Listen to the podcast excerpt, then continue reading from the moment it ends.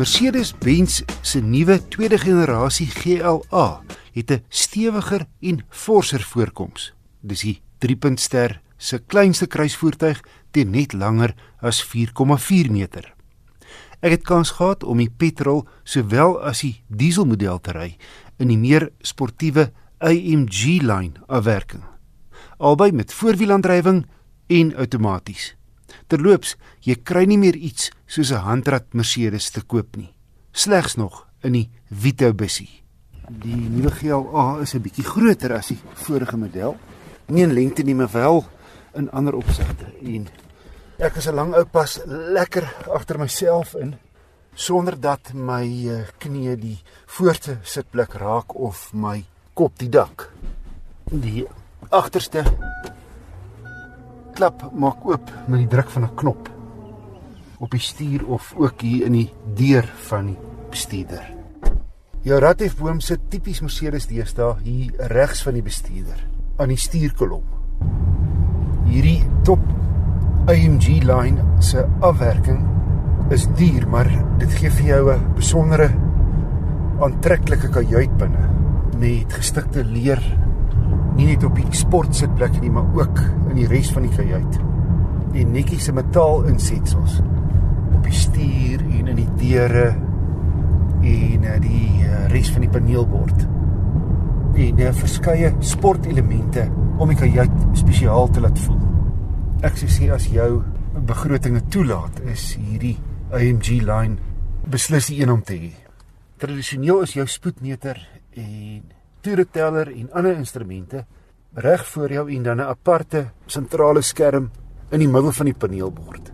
Nou wat Mercedes gedoen het, hulle gooi die twee saam. Dis een lang skerm van seker so 50 cm. Die aanvoelbare kwaliteit is uitstekend, soos mens verwag in die premium kruisvoertuigklas. Albei modelle draf 0 na 100 in onder 9 sekondes skaf.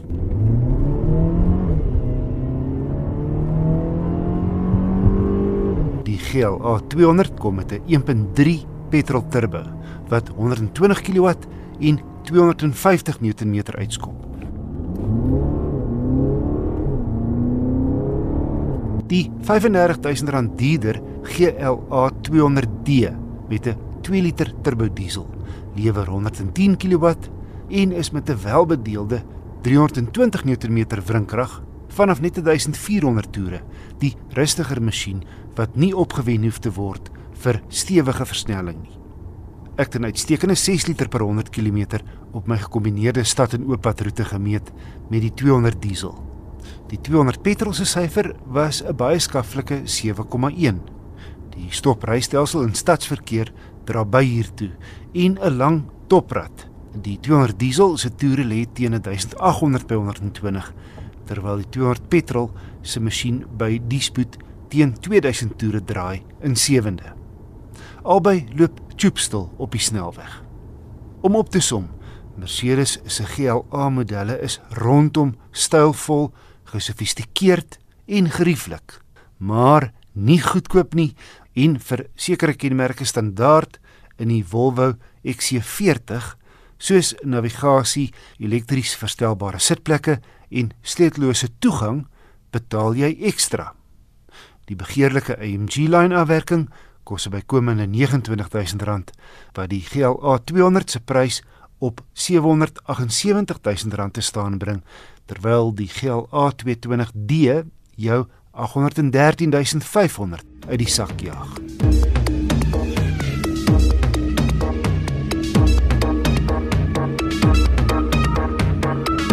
Mazda se CX-3 is 'n ou bekende op ons paaie. Hy's al sedert 2015 op die mark. Maar steeds 'n aantreklike kruisvoertuig in die kompakte klas, danksy mooi lyne en 'n opkikkering verlede jaar wat insluit 'n nuwe sierrooster, LED ligte voor en agter en nuwe 18-duim alloy wiele op die dierder modelle. Ek het die Hikari outomaties stopmodel getoets wat die Individual Plus model vervang. Die aanvoelbare kwaliteit is uitstekend en die Hikari model kom met 'n baie lang lys Lexus geïntegreerde navigasie op die sentrale skerm, Hy het 'n heerlike Bose klankstelsel met sewe luidsprekers.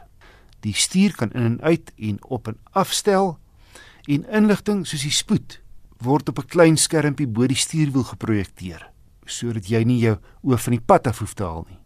Verder outomatiese lig en reënveers, sleutellose toegang en togbeheer.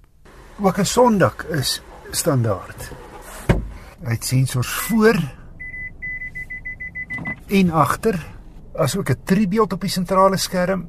Hy gee vir jou blindekol waarskuwing in die syspieëls sogenaamde cross traffic alert met ander woorde as jy agteruit ry in jou inrit of uit 'n parkeerplek en 'n voertuig kom aan om agter jou verby te ry, waarsku hy jou. Ook laan verlaat waarskuwing en hy waarsku jou as jy jou self te pletter gaan ry teen 'n voorwerp soos 'n ander kar.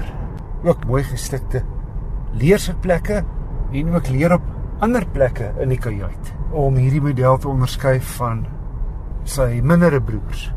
Die ronde knop links van die bestuurder se bobeen waarmee jy die sentrale skerm beheer, werk baie goed.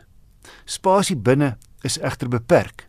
Die CX3 is redelik beknop agterlangs vir 'n kruisvoertuig van byna 4,3 meter. Pakplek is ook relatief knap ondanks 'n Mari beskuit spaarwiel.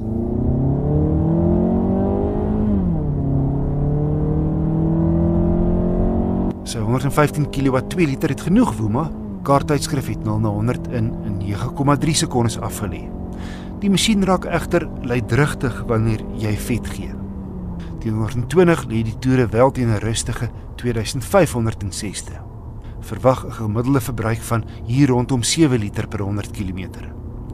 Die CX3 se grondvryhoogte is slegs 16 cm, niks meer as sommige doodgewone luikere nie waar die CX3 wel uitblink, is buitengewone goeie hantering. Trouwens, die beste in sy klas met 'n lekker direkte stuuraksie wat net genoeg terugvoer gee. My gevolgtrekking, Mazda se CX3 is dalk net te klein vir gesinne. Ander kruisvoertuie in die klas is meer prakties. Maar die Mazda bied meer sportiewe hantering. Die reeks begin by R352 000. Hierdie Hikari topmodel is 'n hele indieder teen R476 700. Maar is baie omvattend toegerus in terme van leksede en veiligheidskenmerke.